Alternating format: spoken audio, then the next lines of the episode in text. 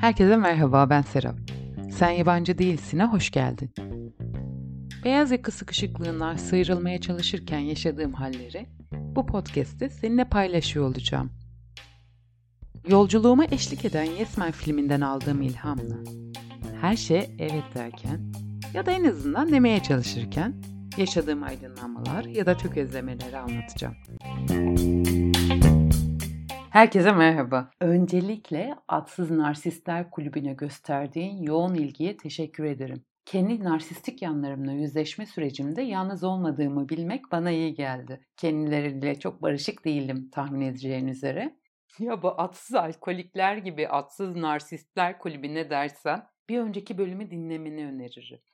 Geçtiğimiz hafta anlatmayı es geçtiğim iki alandan bahsedeceğim. Yani akademik kurumlar ve siyaset. Hoş ikisi birbirinden çok bağımsız olmadığını düşünüyorum. Ve nasıl bir tesadüfse ben bunları düşünürken üniversiteden bir hocamın Instagram hesabındaki postuyla karşılaştım. Şöyle bir şeyden bahsediyordu. İşte anladığım kadarıyla birkaç sene önce Avrupa'nın bir şehrinde akademisyenlik yapmaya başlamış ve doğal olarak kızı da onunla birlikte Avrupa'nın o şehrinde okumaya başlamış ve kızının eğitim deneyiminden yola çıkarak işte Türkiye'de öğrencilerin bireyselleşmesi için çocuklara çok bırakılmadığını, bundan kaynaklı e, bireyselleşmekte geciktiklerini ama Avrupa'da bu alanın çok serbest bırakıldığı ve sorumluluğun tamamen çocukta olduğundan anlatan bir posttu bu.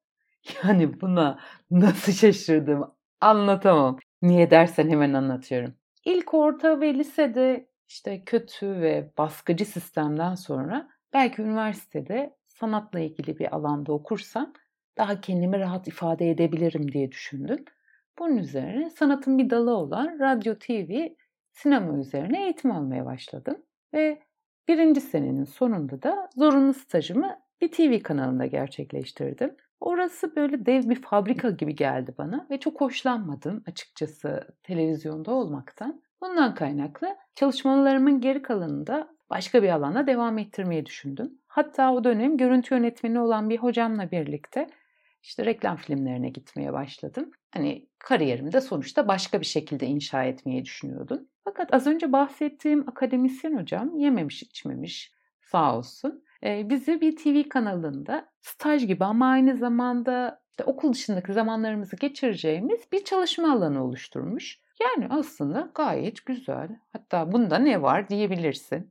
Fakat ben az önce de söylediğim gibi bir TV kanalında çalışmama kararını almıştım zaten. O yüzden hani bu düşüncemi tekrar tekrar iyileştirmeme ya da üstünden geçmeme gerek yoktu. Ben ve birkaç arkadaşımı odasına çağırdı ve işte bizim o kanala gitmemiz gerektiğini söyledi. Diğer arkadaşlarım bu teklifi kabul edip odasından ayrıldılar. Ben kaldım. Da görüntü yönetmeni hocamla yaptığımız çalışmalardan da bahsederek ben gitmek istemiyorum dedim. Bu egosuna mı dokundu yoksa bir şey rahatsız mı etti hiç anlamadım. Ama birden kadın delirdi ve hayır gitmek zorundasın dedi. Hocam ama bakın dedim arkadaşlarım hevesliler onlar gitsinler ama ben gitmek istemiyorum dedim. O da hayır gideceksin. Nasıl sen karar verebilirsin buna? Biz senin yerini düşünüyoruz gibi e, çok manasız cümleler kurdu.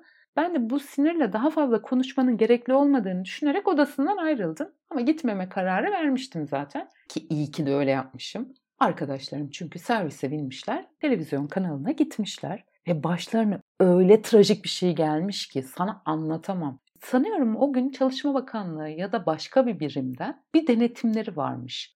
Ve bizim arkadaşlar da o denetime takılmışlar. Yani servisten iner inmez daha kanala çıkmadan bu arkadaşlar kimdir, ne yaparlar, ne ederler diye e, denetlenmişler. Sonra kanal yöneticileri bunları apar topar servise bindirerek okula geri göndermişler. Yani hoca bunun üzerine tabii hiçbir şey söylemedi doğal olarak ve bu konu kapandı. Şimdi kendisinin böyle bir post paylaşması ve işte maksimum 8-9 yaşındaki bir kız çocuğunun bu rahatlıkta kendi ifade edebilmesine alan açarken erişkin birinin bu netlikte kendi ifade etmesine alan açmaması çok ilginç. Ama bu alanda ilerleme kat etmesi de güzel. Belki Avrupa yaramıştır. Bilemiyorum. Yani ne var bunda diyeceksin. Hepimiz bir şekilde aile, akademik kurumlar, iş yerleri gibi alanlarda bu tarz baskılarla karşılaşıyoruz. Şimdi asıl sorun burada başlıyor. Hani bu bizim baskıya uğradığımız alanlar var ya onlar yok olmuyorlarmış. İçimizde minik minik büyümeye başlıyorlar. Belki bilirsin Dr. Jekyll Mr. Hyde hikayesini. Bir şekilde kendini inşa etmeye ve toplum içinde var olacağın şeklini inşa etmeye başladığında içinde o da böyle büyümeye başlıyormuş. Ve eğer işte sanat gibi ya da türev şeyler gibi dışarı sızımı olanağı varsa şanslısın. Hayata karıştırabiliyorsun bunu.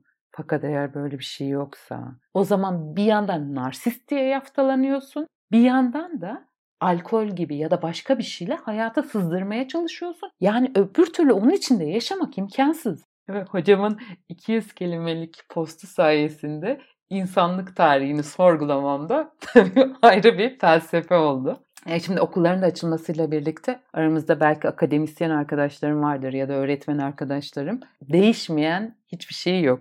Bu yüzden böyle çok sabit kalmamakta fayda var. Ee, eğer veliler varsa da öğretmenlerin bu tutkuyla savundukları hmm, işte çocuğunuzu bireyselleştirmekten uzaklaştırdı. Her şeye bir şekilde karşı koymak gerekiyor. Öbür türlü yani çok hoş olmayan şeyler oluyor. Bu hafta benim için de biraz ilginç bir bölüm oldu.